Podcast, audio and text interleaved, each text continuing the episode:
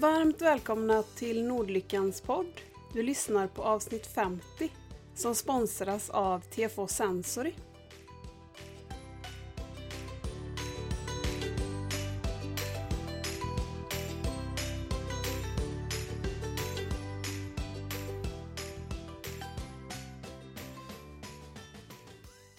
TFO Sensory är experter på sinnesstimulering och sinnesreglering.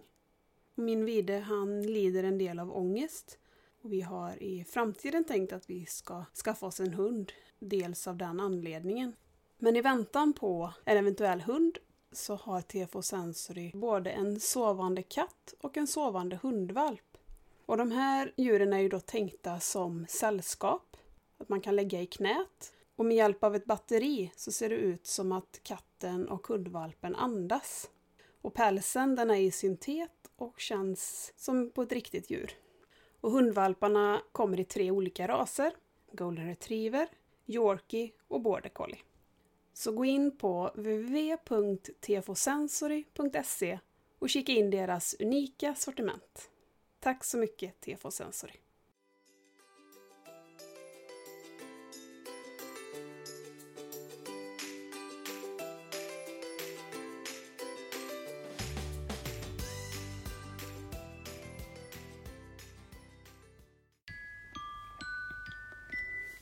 Hej, det är Victoria. Hej Victoria, det var Emma. Hej! Hej hej! Och ni har väl gjort något roligt idag? Vi har gjort något kul. Vi har varit i Grötvik i Halmstad. En wakeboardpark i ett gammalt stenbrott. Och där så träffade vi Mattias som har det här 7H Paralpin och som poddar för funkisfarsor. Och där fick eh, Konrad prova att åka en eh, anpassad typ av wakeboard. Ja, så roligt. Mattias frågade faktiskt om vi ville komma ner till Halmstad idag, men jag kände att nå, det är lite på gränsen till för långt för oss att åka bara så över dagen. Mm, jag förstår det, men det var väldigt kul. Mm. Och det är så himla fint där. Alltså, ni som har barn som har rullstol det är liksom så himla anpassat där. Det finns en hiss för rullstolar att ta sig ner till liksom bryggan. Det vet jag att Mattias var med och sökte fonder för. Och sen så finns det en jättefin brygga man kan rulla hela vägen fram till där man åker. Och enda problemet då är att det finns ingen sån här badrullstol där på plats än utan det var ju den som Mattias tog med sig. Så att de barn eller vuxna eller så som har rullstol som kan sitta själv eller så, då finns det ju lösningar. Då har de speciella wakeboards. Men nu kunde Konrad få prova på grund av att Mattias hade med den här badrullstolen och de hoppas att de ska kunna köpa in en sån att de kan få bidrag eller eh, sponsring att köpa in en sån. Men det har de inte i dagsläget så nu får vi passa på de gångerna Mattias kommer dit. Jag vet att Hampus, han provade ju igår, tyckte det var jättekul. Och sen provade Konrad och sen var det en annan pojke som jag inte vet vem det var men som provade precis efter Konrad så vi såg när han gjorde det. Och föräldrarna sa att det var första gången på länge som han visade reaktion på att han tyckte någonting var kul. Annars hade det typ varit ridning som den pojken hade reagerat på men det här tyckte han också var kul så det var väldigt, det var så fint att se. Rovida hade tyckt att det var jätteroligt också. Han älskade ju skidåkningen i vintras och han gillar ju fart och karuseller och gunga högt och Mm. Alla sådana saker. Så jag tror han hade tyckt det var jätteroligt.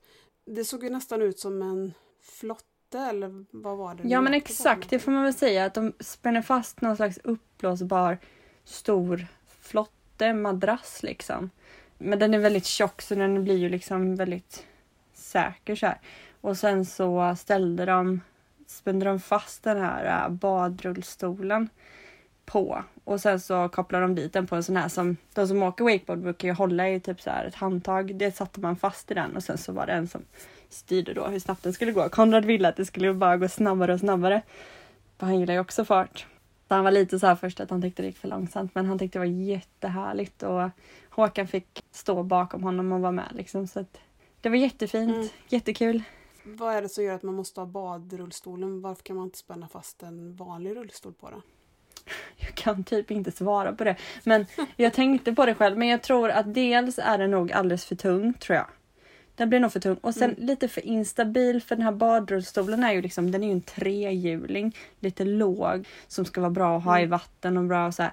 Det är det. Och sen tror jag också att jag tror att badrullstolen flyter. Ja, så tycker jag att jag har sett på bilder att det ser ut som att den flyter och då funkar det ju om man skulle liksom tippa, för det är klart att man kan tippa.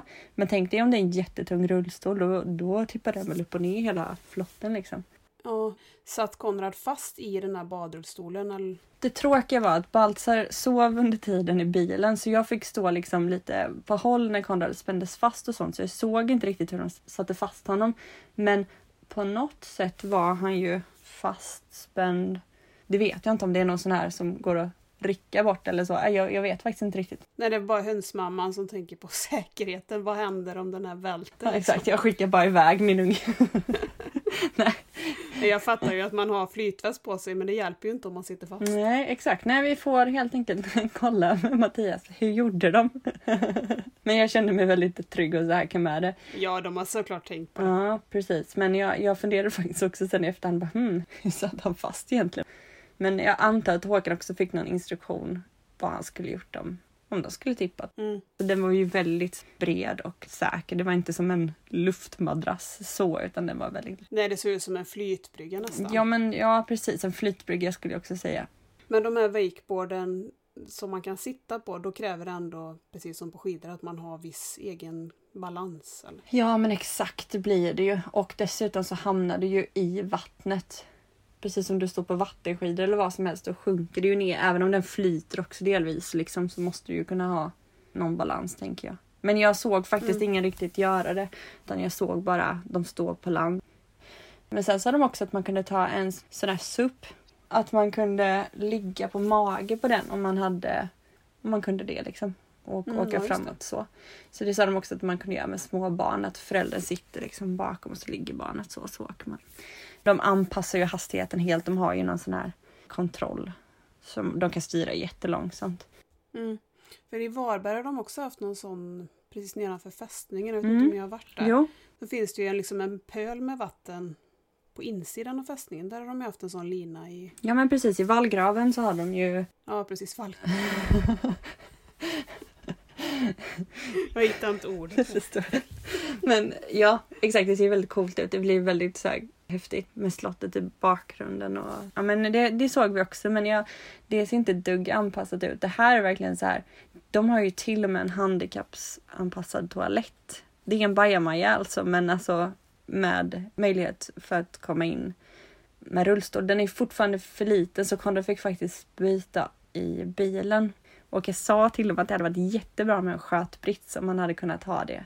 Och de är väldigt pepp på att göra detta jättebra för alla fantastiska människor, eldsjälar liksom. Så jag tror att detta kommer bli hur bra som helst och eh, riktigt tillgång för Funkis-Sverige liksom. Alltså att bara åka dit. Alltså det är så vackert där också.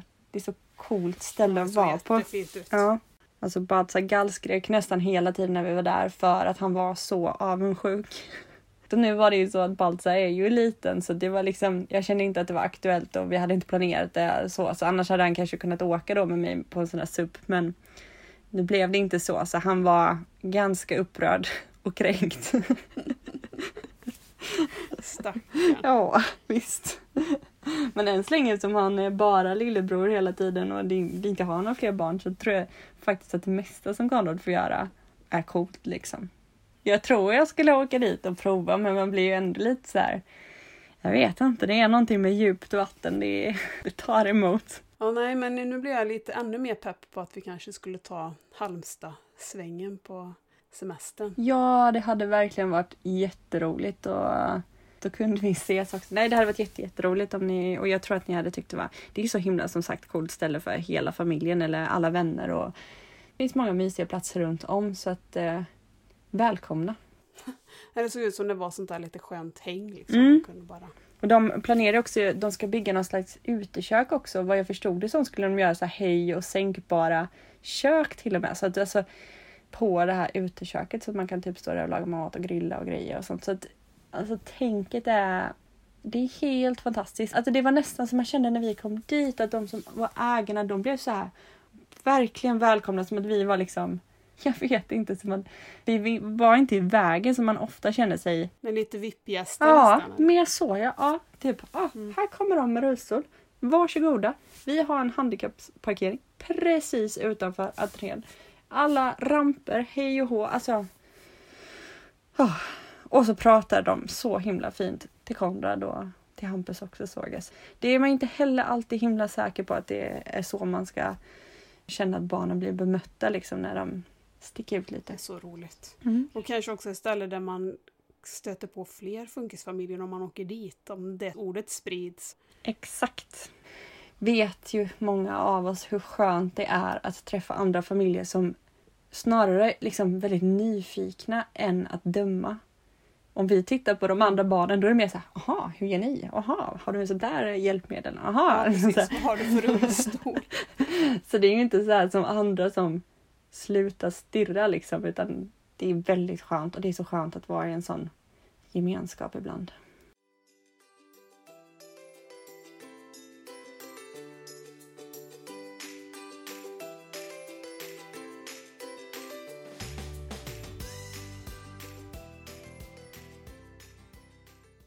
Hur har ni haft det med sjukhuslivet i veckan då som har gått?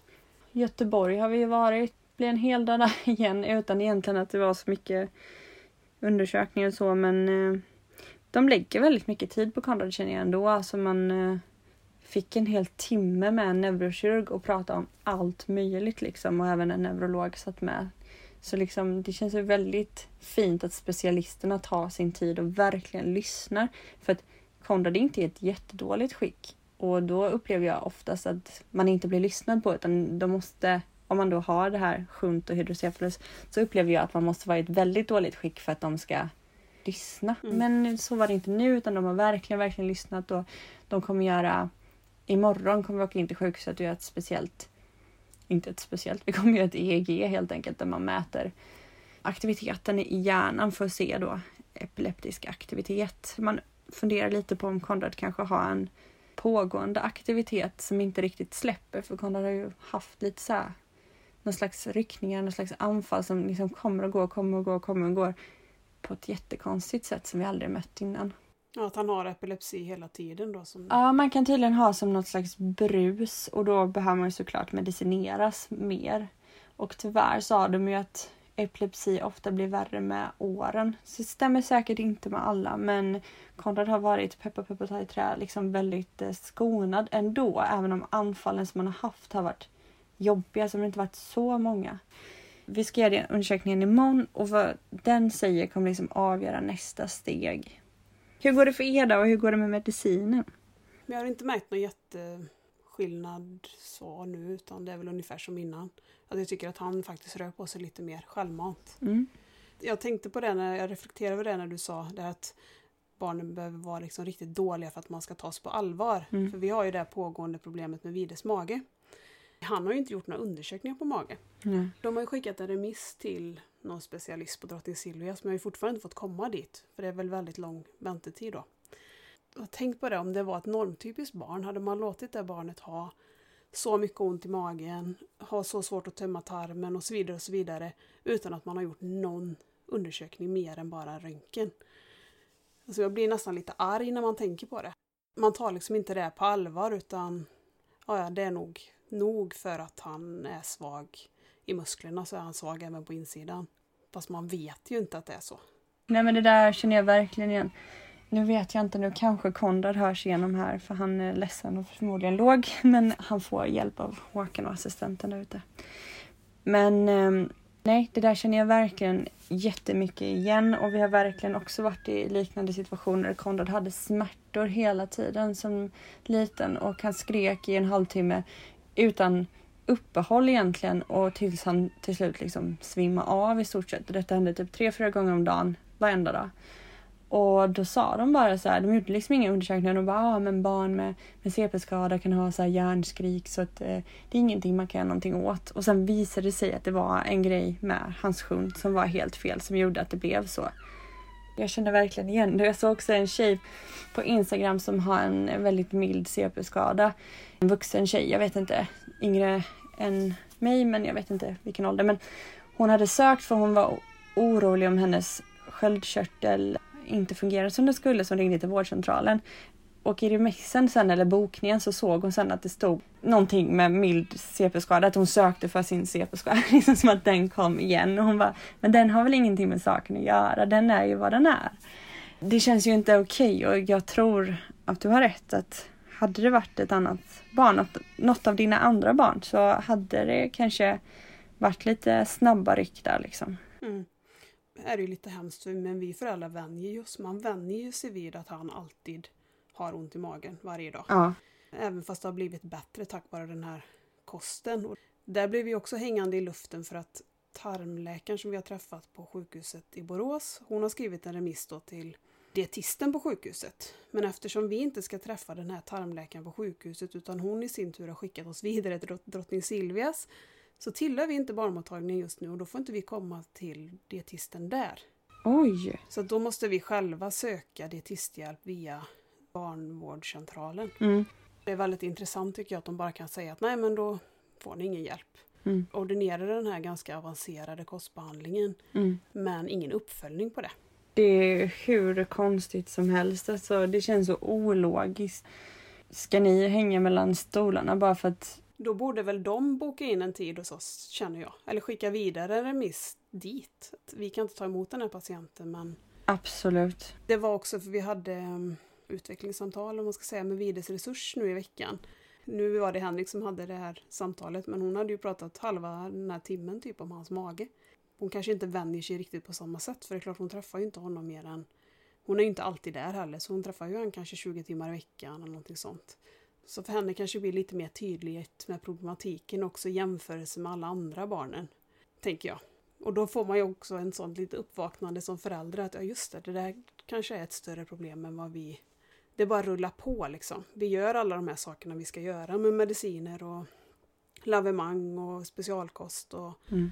utan att vi egentligen får någon hjälp och kolla om det är någonting som är fel eller någonting som man kan göra någonting åt. Det har vi ingen aning om.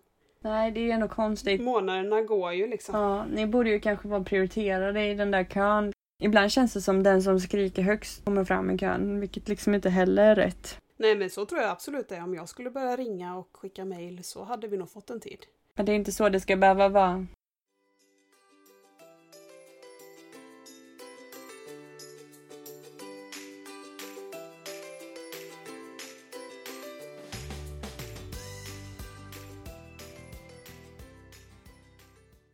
Sen har vi lite uppfriskande nog också bråk med förskolan just nu. Eller inte med förskolan utan med förskolechefen är det egentligen. Det är ju inte en konflikt mellan oss och personalen utan det är hon som sitter på pengarna som vi bråkar med. Ja, känner man igen. Ja, men det går lite i cykler. Det har varit ganska länge sedan nu som vi behövde ta någon fight där. Men nu var det tydligen dags igen då, för vi har ju utökad tid på måndagar. Och i Borås har de ett sådant system så att det är inte vi föräldrar som söker utan förskolechefen söker åt oss. Vilket innebär att hon kan ju anpassa ansökan utifrån vad hon tycker passar förskolan. Så har vi nog med det. Mm. Liksom när hon sökte så sökte hon ju inte så många timmar som vi hade önskat. Och sen så har vi ju fått ett beslut som säger att han inte får komma på lovet. Mm. Man blandar ju liksom ihop det lite med 15 timmars, för 15 timmars är ju kopplat till termin. Mm. Men inte utökad tid. För alltså särskilt behov, det har man ju hela tiden. Det försvinner ju inte för att skolan stänger. Nej. Så för några veckor sedan så skickade jag att, att jag ville ha utökad tid de tre måndagarna som är kvar innan vi går på semester. Så det handlar ju liksom om 18 timmar. Mm. Men hon stoppar huvudet i sanden och svarar inte på min fråga utan skickar bara tillbaka att ja men eran utökade tid går ut det här datumet. Ja fast nu är det inte det jag skriver utan nu skriver jag att vi vill söka utökad tid. Ja. Jag har skickat tre mejl hon har svarat likadant tre gånger. Alltså hon svarar inte på frågan utan hon bara ignorerar mig fullständigt. Mm. Vad gör ni då då? Jag blir väldigt frustrerad för Vida har ju också en historik av att ha gått väldigt få timmar på förskolan Mm. fast han egentligen har rätt att gå fler timmar än typiska barn egentligen. Ja. Så att vi har ju verkligen inte utnyttjat förskolan som någon form av barnvakt utan han har ju gått få timmar för att han inte orkar mer. Ja.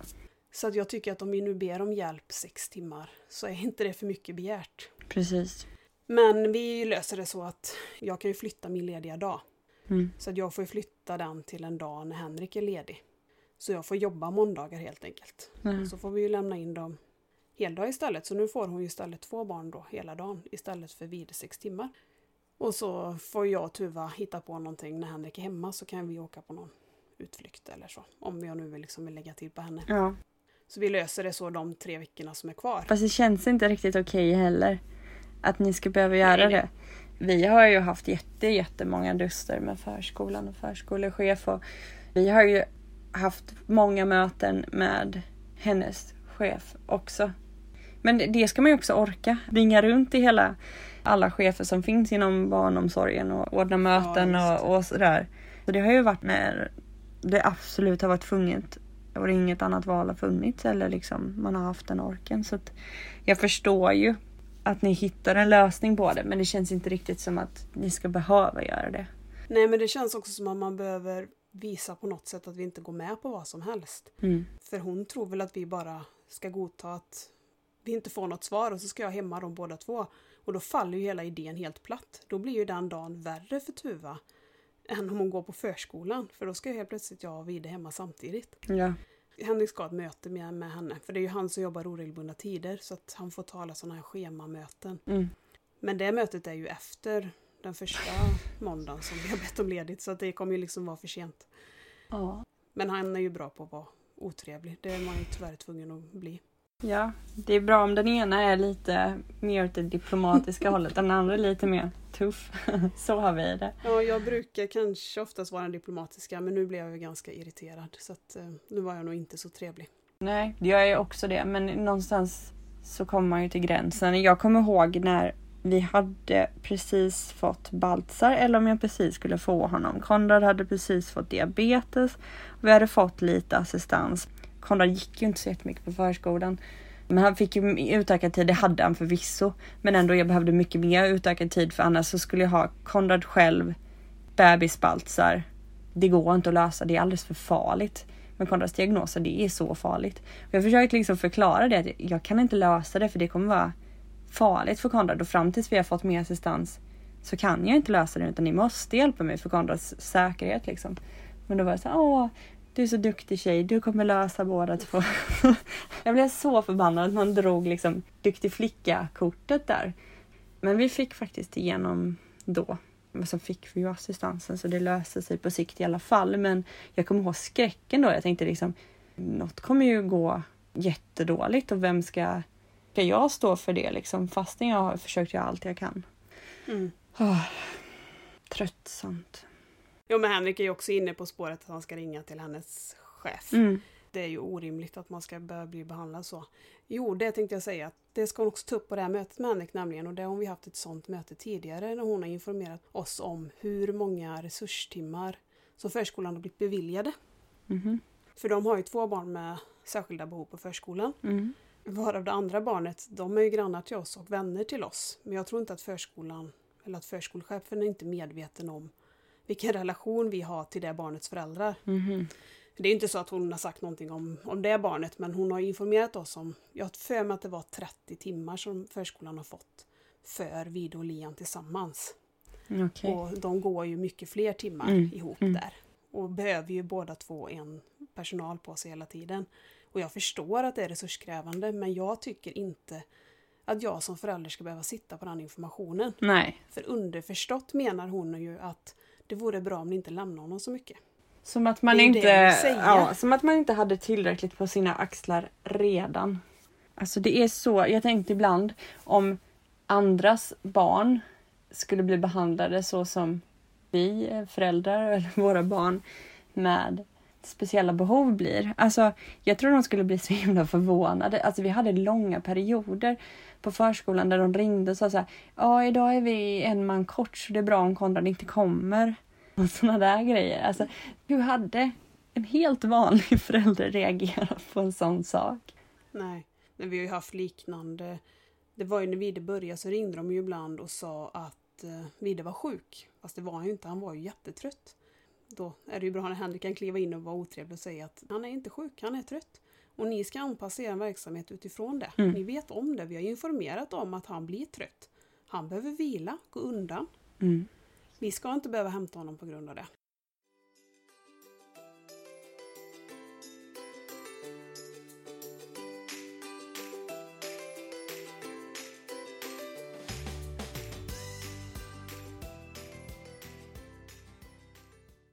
Hur folk reagerar på det här med att Konrad spyr. Folk är ju väldigt rädda för magsjuka framförallt. Ja, inte alls tror jag. Nej. Konrad har ju liksom haft den här kräkproblematiken sedan han var ett år. Det har varit betydligt mycket värre än vad det är. Ja, just nu är det lite värre igen, men alltså det har ju verkligen varit jättedåligt. Så att vi har ju ändå gått ut med informationen till andra föräldrar. De vet ju om det. De skulle aldrig reagera på Åh, Konrad spyr. Och jag menar, förskolan vet också om det. Nej, ingenting skulle jag säga. Och jag menar alla assistent, nej. Alltså det sker så ofta. Det händer ju absolut varje dag. Flera gånger om dagen. Men inte om ni är ute bland folk heller, att folk reagerar. För det första så är man ju rätt mycket uppe i att han kräks när han kräks liksom. Så att jag ser Mm. ju inte riktigt det. Så här har jag tänkt innan. Jag kommer ihåg när jag hade honom mycket själv och han kräkte. Jag kommer ihåg jag och han åkte på bussen själva. Han kunde inte sitta utan jag var tvungen att hålla honom. Han var ändå lite större och jag hade vagn och han kräktes och bla bla. Och då tänkte jag så här, nu kommer alla bli livrädda men samtidigt så har vi ju kräkpåsar. Och då tänkte jag så här, det fattar väl vem som helst att någon som går runt och har med sig kräkpåse vet om att kräk kan komma. Jag har faktiskt tänkt på det ibland. Men jag känner inte som att folk så här flyr iväg utan jag antar att det ser rätt så rut- rutinerat ut när vi tar hand om det. Mm. Det kan mycket väl hända att vi har skrämt livet ur några. jag tror att eh, han kräks så pass ofta så alla som finns i närheten som någon gång träffar oss blir inte förvånade. Pratar ju om det då och då, varför vi måste passa vid så väldigt noga på toan. Mm. För det finns ju något som heter smearing. Det är ju framförallt att man kladdar med sin egen avföring. Ja. Om han får chansen så äter han ju sin egen avföring. Och det är ju inte så fräscht. Och det är ju därför vi sitter här och passar på honom. Ja, det är ju farligt. Eh, ja, det är farligt. Ja. Och eh, den sista månaden så har det blivit två tillfällen när vi inte har kunnat sekundpassa honom. För att det har varit lilla syster båda gångerna. Ena gången så ramlade hon och slog sig när jag var själv hemma med de två. Och eh, häromdagen nu då så behövde hon själv hjälp på den andra toaletten. Ja, Och jag kan inte låta henne sitta och vänta i 20 minuter. Liksom. nej. Han är väl medveten om att han inte får. Mm. Jag ska säga att det är inte ett jättestort problem medan vi är i badrummet. Nej. Det är inte så att jag måste säga till honom hela tiden utan han låter bli. Men om jag går därifrån, då passar han ju på. Mm. Och han blir ju magsjuk. Ja, det är klart. Varje gång eller den här gången eller? Två gånger den sista månaden i alla fall så är det ju vad vi har kopplat ihop med. Att Ja, det, ja, Jag tror inte att folk riktigt förstår det här med varför måste ni passa honom på toaletten. nej. Sen kan han ju inte ropa så av den anledningen behöver vi också vara där inne. Men det är ju det här smeringproblematiken som är det största problemet. Men det förstår jag. Det är en sån här sak som många har problem med men som man inte får nämna. Nej. Nu är jag så inne i den här världen så att även om inte vi har den problematiken så känns det inte som en så konstig grej. Tanken är ju ganska motbjuden. Man vill ju inte typ höra om det kan jag tänka mig. Det kan ju inte finnas någon skam i det för det, det går inte. Det är helt omöjligt. Det är ju bara jättejobbig problematik tänker jag. Alltså dels är det ju det här med Vides integritet och prata om det överhuvudtaget men samtidigt tycker jag ju att bara det i sig skulle ge honom rätt till assistans för det är ju ovärdigt Ja. att han ska bli lämnad ensam för att vi måste lämna honom ensam för att vi omöjligt kan vara två vuxna hemma jämt. Mm. Men visst är det inte ovanligt att eh, man har den problematiken om man har någon form av autism? Nej, precis. Och det kan ju vara lite olika hur det ser ut. Det kan ju vara det att man kletar på väggar och så till exempel. Ja. Men eh, det gör ju inte vi det. Nej. Vi hade ju inte några problem med det egentligen när han hade blöja utan det är ju nu när han sitter liksom avklädd på toaletten som det har blivit ett problem. Mm. Och det är inte så att man kan backa tillbaka till blöja bara för det. Det funkar ju för oss att passa på honom. Sådär va? Ja men jag menar sådär, det gör ni ju men det ska ni ju, så mycket kan, det funkar ju inte. För så kan man inte ha det ju. Alltså ni kan ju inte vara så bundna vid toaletten liksom. Nej, men jag fick ju någon kommentar också. Ibland så folk har ju inte riktigt någon insikt hur man har det. Nej. Om jag var lite mer lösningsorienterad så skulle jag inte behöva söka assistans till Vide, var det en som skrev. Hon föreslog även att jag skulle sätta upp kameror som eh, ett lösning på att han inte kan lämnas ensam.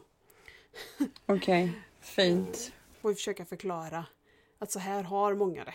Det här är liksom vardag. Mm. Det är massa sådana här saker som inte folk kanske riktigt förstår. Som jag tror är lättare för dig och mig att förstå som är i det. Ja, men jag tänker det. Man får ju, det är jag ändå tacksam över. I den här funkisvärlden så har man fått så otroligt bra förståelse för saker som, som egentligen inte man själv har kontakt med liksom, i sitt eget liv. Det är ändå rätt så fint tycker jag. I funkisvärlden kan vi typ prata om det mesta. Och då kan jag säga att jag är den mest egentligen från grunden den mest eh, lite fjantiga, äckelmagade personen som, som jag själv känner. Det har gjort att jag har blivit en mycket bättre person. Man känner liksom så mycket empati och förståelse och allting så att saker kan inte längre liksom bli äckligt på det sättet som jag hade problem med förr. Nej. Jag tänker ju ofta med Vide att eh, alla skulle ju ha en person med funktionsnedsättning i sin närhet. Ja. Då hade ju världen blivit mycket bättre. Ja, men det är väl därför vi har valt också att vara ganska öppna på sociala medier. Alltså liksom bjuda in folk till att få någon slags förståelse och insikt. Mm. Det är väl en av grejerna liksom. Men jag tänker på det ibland. Alltså, nu är det ju så att alla våra assistenter och vi, vi är ju vana vid att Konrad sitter och kräks när vi sitter och äter. Och Mm. att han dreglar liksom. Det är så. Det är svårt med munmotoriken och då blir det ju lätt saliv så här. Men alltså, det är ju så avdramatiserat för alla. Så att assistenterna sitter ju lätt liksom där och ja, men, torkar och sen äter. Alltså det är ju liksom så här. Men jag brukar tänka på det om vi är typ med folk som inte träffas ofta. Liksom att jag kan ändå förstå att de som inte är i det ändå kan tycka att det är lite jobbigt och då kan jag ändå försöka liksom hitta någon slags sätt att försöka gå undan lite i alla fall. Liksom, eller så, för att allting blir ju lite kanske väl avdramatiserat. Alltså, eller väl och väl, men jag kan ju ändå förstå dem som inte är i det. Att det kan vara Ja, lite jobbigt precis. liksom. Så att jag, jag försöker ändå hitta någon slags mittemellan respekt både för Konrads del och eh, för andras del. För jag vill inte att någon ska tycka att han gör någonting äckligt liksom. För hans Nej. skull heller.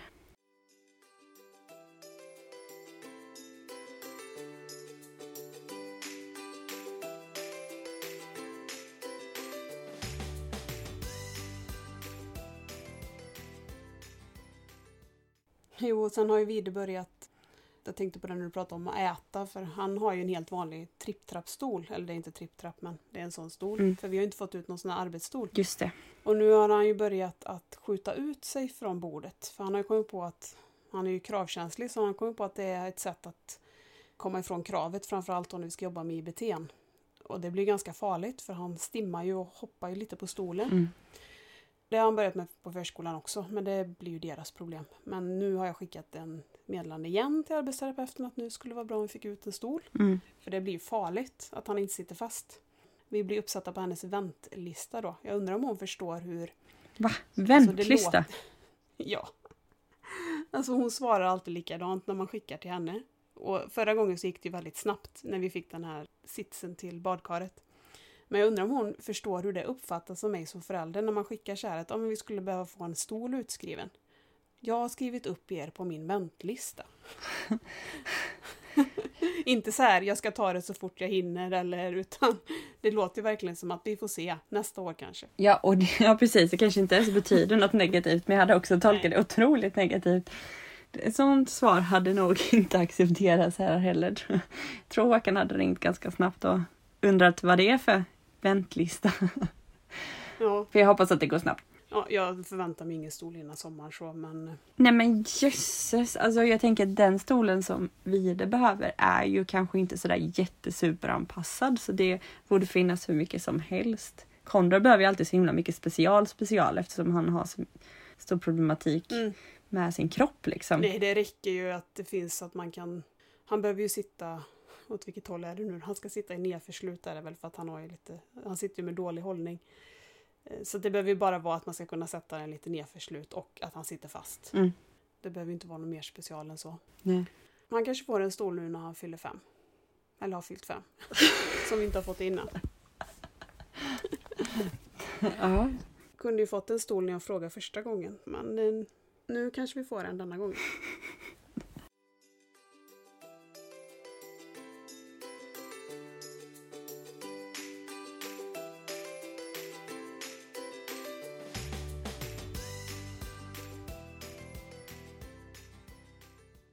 Vi fick ju så himla många frågor till förra avsnittet. Mm. Tänkte vi kunde tagit någon av dem. Och en fråga var hur vi känner inför att vara funkismammor.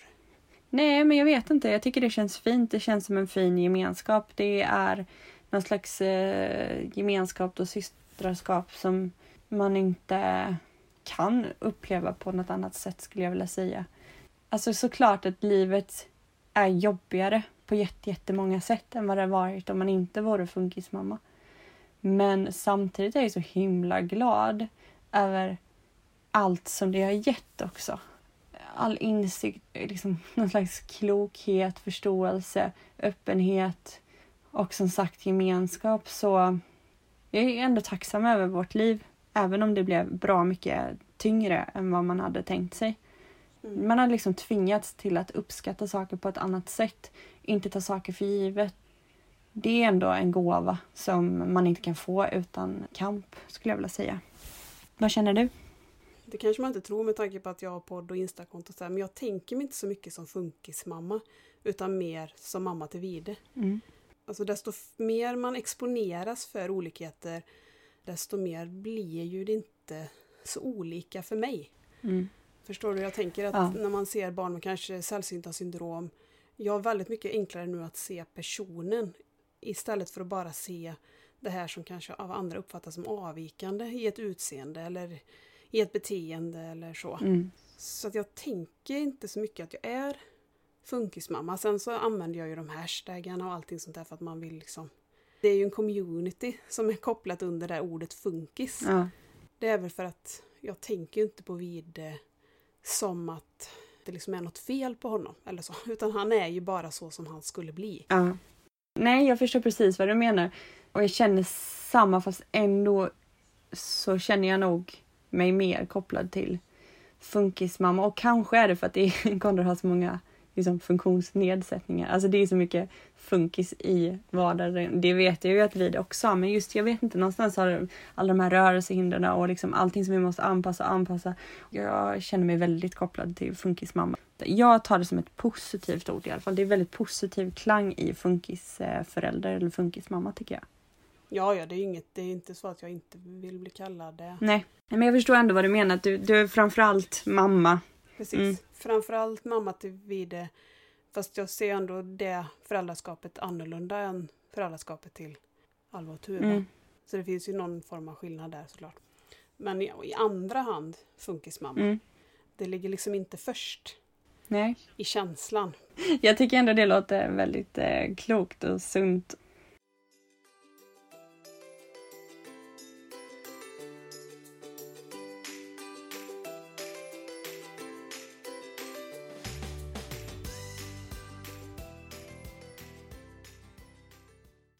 vi har inte fått beslut från kommunen på assistansen. Jag förstod det, så jag kände ja. inte att jag skulle fråga heller.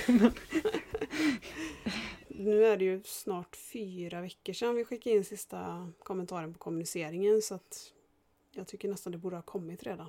Mm. Men det har det inte gjort. Nej, och då kommer det väl nästa vecka tänker man. ja, jag hoppas det. Jag trodde absolut att det skulle ha kommit till detta avsnittet men det, så blev det inte. Nej. Sen har vi ju just nu eh, eller alla har väl fått så, att posten kommer bara varannan dag. Jaha. Varför kommer det varannan dag? Det, har, det kände jag inte alls till.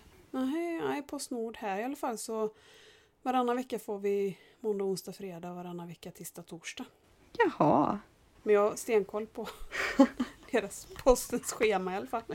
Denna veckan som kommer nu så kommer det tisdag, torsdag. V vad beror det på? Vet du det? Nej, men det är väl för att inte folk skickar så mycket post. De sparar väl personal och pengar på det. För att folk skickar mer paket än brev. Mm -hmm. Så posten delas inte ut varje dag, i alla fall inte här ute på landet. Nej, det, du vet, jag vet inte. Jag tycker vi får post hela tiden, men det kanske är varannan dag. Jag... ja, men det är ganska nytt. De introducerar väl det på olika ställen i landet. Så jag vet inte om det är så hos er, men här är det så sedan någon månad. Ja, men jag har faktiskt reagerat på att det varit några dagar vi inte haft post och det händer typ aldrig för det ligger alltid kallare sådär i. Det har jag faktiskt reagerat på så det kanske så det är här med.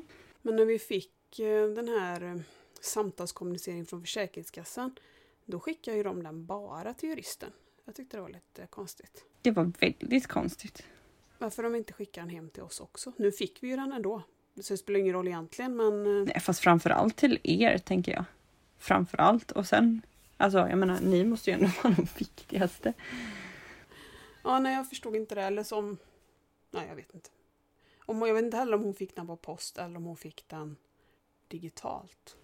Nej, de brukar ju mest skicka på post faktiskt. Det är min upplevelse i alla fall. Ja, det är väldigt gammalmodigt. Mm, ja, Men ibland måste de nog skicka det på post tror jag. jag tror också det. Gammaldags.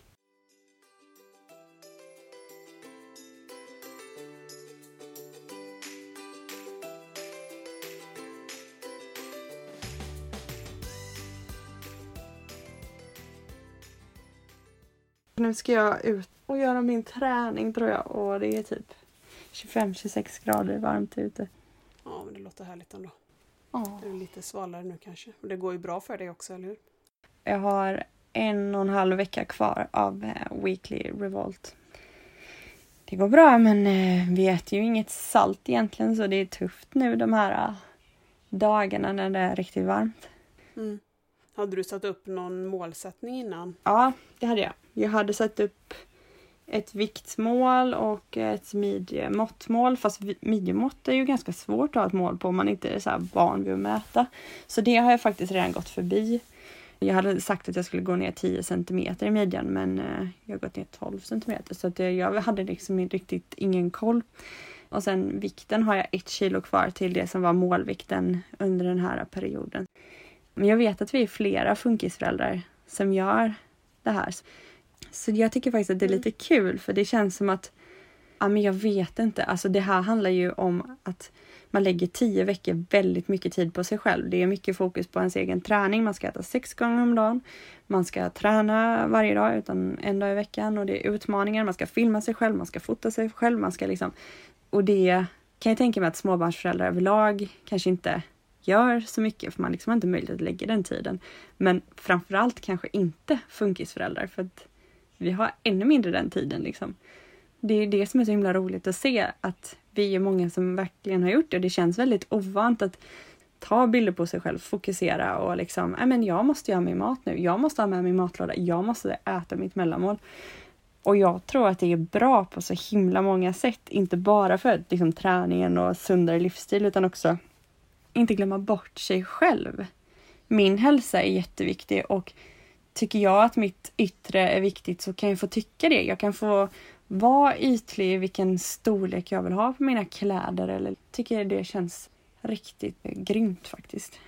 Våga igen fokusera på sig själv som man gjorde både innan man blev förälder och innan man framförallt då kanske blev funkisförälder. Ja, exakt. Det ibland känns kanske lite så att man inte får vilja färga sitt hår eller vad jag vet inte. Nej men också. exakt. Köpa nya skor eller för man har så väldigt mycket fokus bara på att jag får inte vara ytlig mitt i detta, jag får inte vilja se bra ut eller Exakt, det är som att man tror att vi är några andra föräldrar än, alltså att vi har liksom så här andra känslor och tankar. Alltså vi är ju helt vanliga människor och jag har varit ganska ytlig i mitt liv och jag kan ha kvar en del av det och det kan jag få ha liksom.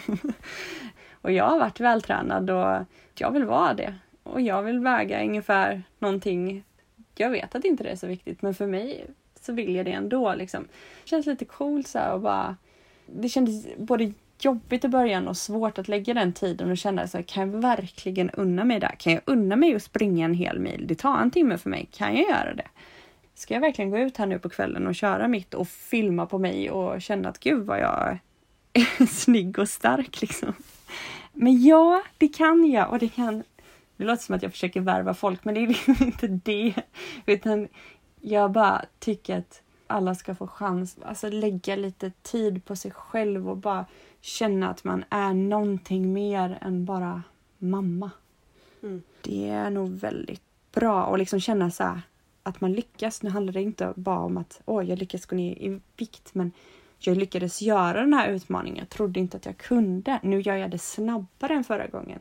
Nu gör jag det bättre. Nu kan jag tekniken. Nu är jag stark. Och dessutom så behöver vi, jag menar många av oss måste ändå vara starka i livet. Det är bara så att även om man får assistans och så vidare så har man ju lärt sig att det är lätt att folk är sjuka hit och dit och solen skiner och då är det svårt att få in folk och alla är sjuka. Liksom. Ja, och då måste man kunna klara av att hoppa in och vara fysiskt stark och hålla. Liksom.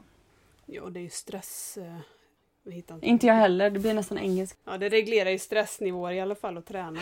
Ja, men exakt. Jag vet, jag hade något samtal med typ Försäkringskassan, ja, kommunen. Det var någonting och jag bara gick ut och bara tog de här repen för vi har såna här battle ropes och så bara pang, pang, pang, pang, pang. Och det kändes så skönt. Det var liksom som om man skulle ha en boxboll eller någonting. Jag tror att vi är många som går runt med någon slags stress, ångest, eh, ilska som man får ta ut på bästa sätt och det får väl vara i träning. Mm. Nej, det finns väldigt många fördelar med träning. Det är ju egentligen, egentligen, det är ju mitt stora intresse. Sen kan jag inte riktigt lägga så mycket tid på det som jag gjort innan. Men eh, mm. det är inte så att jag har försvunnit bara för det. Utan jag tycker att det är jätteintressant och roligt och både med kost och träning liksom. Mm. Kanske hade jobbat med det mer liksom på fritiden om inte det var för Vide tänker jag. Ja. Det gjorde jag innan vi fick honom. Mm. Som instruktör eller? Ja, jag körde cirkelträning här ute i vår lokala gympasal och sen så utbildade jag mig också till kostrådgivare. Mm. Så jag oh, hade lite coolt. Liksom, typ, klienter online. Eh, men sen så blev jag funkismamma. Men jag försöker ju hålla i det intresset för mig själv, eller liksom den kunskap jag har till mig själv. Det hade varit fantastiskt om någon ville starta någon sån här, jag vet inte, någonting för funkisföräldrar eh, med inriktning träning på någon Facebook. Alltså det hade varit så fint och så himla bra. Du ska inte säga sådana saker. jo då, det var verkligen ett frö jag ville plantera hos dig. Du vet, ibland så tänker inte jag utan bara gör och sen oj då. Det här blev stort. Jag hade visst en podd nu. Det hade faktiskt varit jättebra för jag kan tänka så här, ja, för dig och mig kanske det är lättare att ta till sig det för att vi har haft innan. Men om det kanske kommer från att du inte har det här träning i dig som vuxen eller som i alla fall tonåring, liksom, då kanske det inte är så himla lätt att ta till det. Och då går du miste om Nej, ganska precis. mycket. Alltså jag tror och tycker verkligen det och tror att vi är väldigt många, speciellt funkisföräldrar som verkligen, verkligen, verkligen skulle behöva det i vår vardag för att liksom orka med det det krävs ju inte så mycket egentligen. Det krävs ju oftast inte så lång tid för att man ska liksom uppnå. Jag skulle säga att en halvtimmes träning varannan dag, någonting i den stilen hade gjort jättestor skillnad för många. Mm. Ja, vi är till och med nästan ännu mindre egentligen. Mm. Jag såg något sånt initiativ, nu vet jag inte var det var någonstans, men det var yoga.